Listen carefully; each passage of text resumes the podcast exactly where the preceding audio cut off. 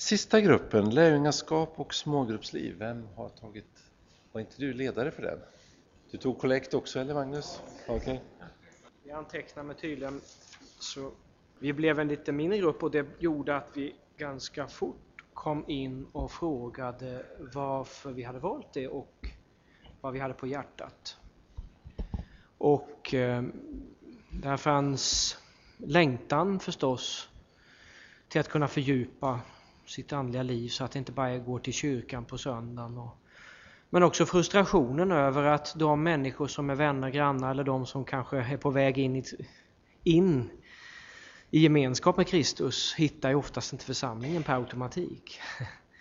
Att det är så att säga, en ganska stor tröskel däremellan. Så att vårt samtal kom därför att bli ganska tydligt. Frågorna kommer ju röra det hjärtat är fullt av. Men jag då från mitt perspektiv när det gäller lärjungaskap Ehm, ja, egentligen vad jag sa var egentligen att jag började först att berätta om en erfarenhet när jag var präst, när jag varit ute ett antal år och då hamnade jag i några mindre församlingar. Den ena var nästan, förlåt mig om jag uttrycker det så tydligt, död, eller det fanns inte så många. Och den andra fanns jättemånga fromma gamla som var över 70. Jättehärliga på landet. Men eh, Gud rörde vid mitt hjärta så sa jag till Gud, men hur, hur, hur ska den här församlingen överleva om jag är här 20 år till? Ja, då har du begravt alla, sa han till mig. Och då gjorde det ont. För då förstår jag hur. Hur ska jag bygga församling? Jag kan ju inte bygga Hur? Jag kan ju inte springa runt och hjälpa alla människor personligen till tro. Jag kan ju inte göra allt själv. Och det är egentligen ganska lite jag kan och då hade jag dessutom varit ganska svårt sjuk i cancer den där omgången också så jag hade inte så mycket kraft till någonting. Så att när jag såg det så blev jag bara djupt förkrossad. Djupt, djupt förkrossad och förstod, jag, ja, det, hur ska det gå? Och sen blev jag förd till Värnamo och träffade Håkan och sen så blev det ju svaret på min fråga var men hur kan vi hitta ett sätt att hjälpa människor att bli efterföljare? Det vill säga lärjungaskap i praktik.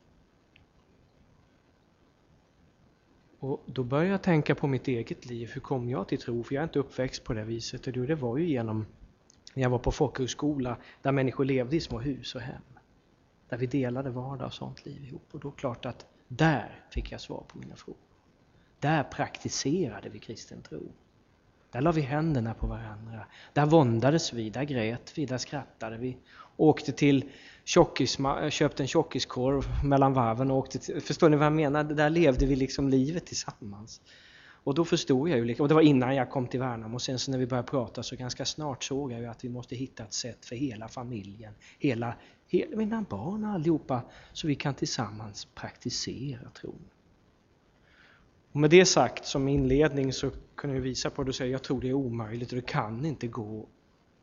Lärjungaskapet går ju inte individuellt utan det måste ske i mitt vardagsliv där jag lever. Ingen annanstans. Ingen på konferens någon annanstans eller inte i böcker. Vi har ju lärt oss i vår västerländska kultur att vi ska sitta och lära oss saker i tio år och sen ska vi försöka praktisera det. Jesus gjorde tvärtom. Han visade på erfarenheter och sen talade man om det efteråt. Så utmaningen för att få människor från andliga barn till att växa upp genom tonårslivet och urskiljningen i kampen till andligt faderskap och moderskap. Jag tror inte det kan ske annat än i gemenskap. Och där jag befinner mig, det vill säga vid mitt hem.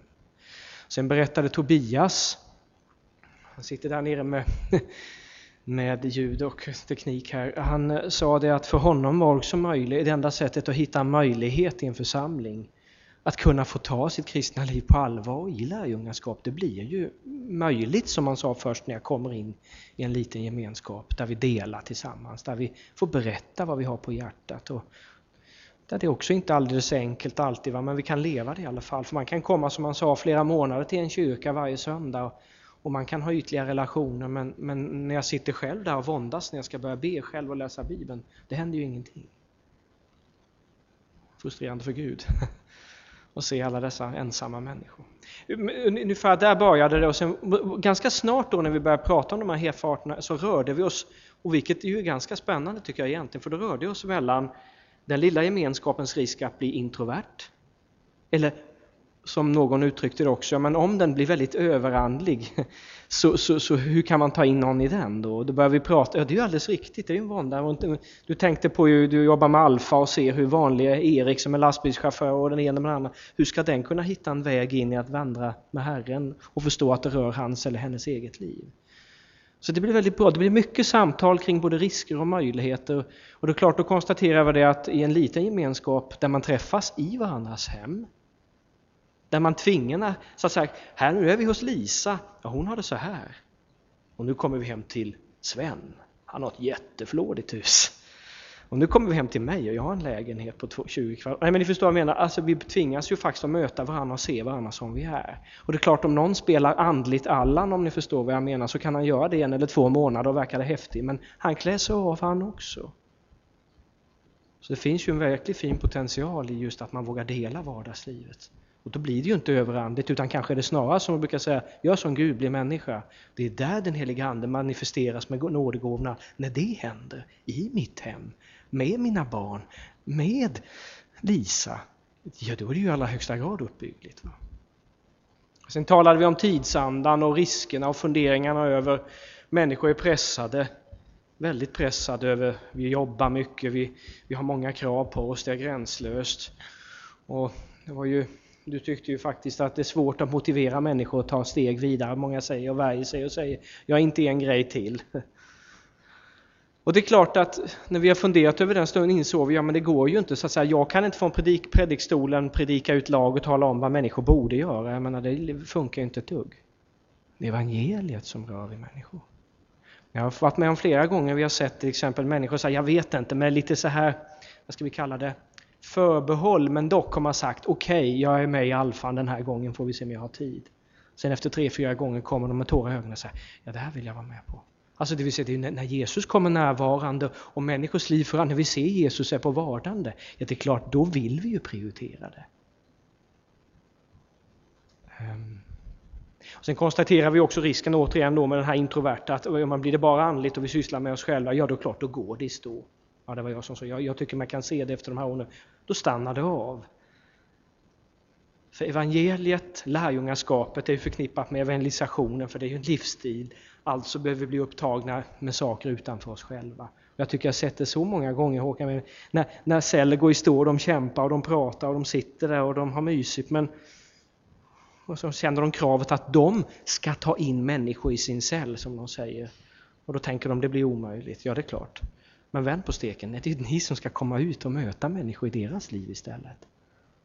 Ja, då blir det spännande igen. Hur kan vi betjäna Asta som har gjort en höftoperation som du var så god med Elma? Ja, vi ska klippa hennes gräs kanske. Är ni med? Jag menar, alltså, någonstans när vi, när vi låter oss utmanas här så ser vi det finns risker, visst gör det det. Introvert, överandligt, men, men det kläs av i den vardagliga gemenskapen det är där, tror jag, som det är möjligt att praktisera. Ingen annanstans. Ge erfarenheter, uppmuntra varandra. Det är både jobbigt och roligt. Och smärtsamt och glädjerikt. Och sen fortsatte samtalet vidare och sådär. Men där någonstans landade vi. Jag tyckte det var spännande.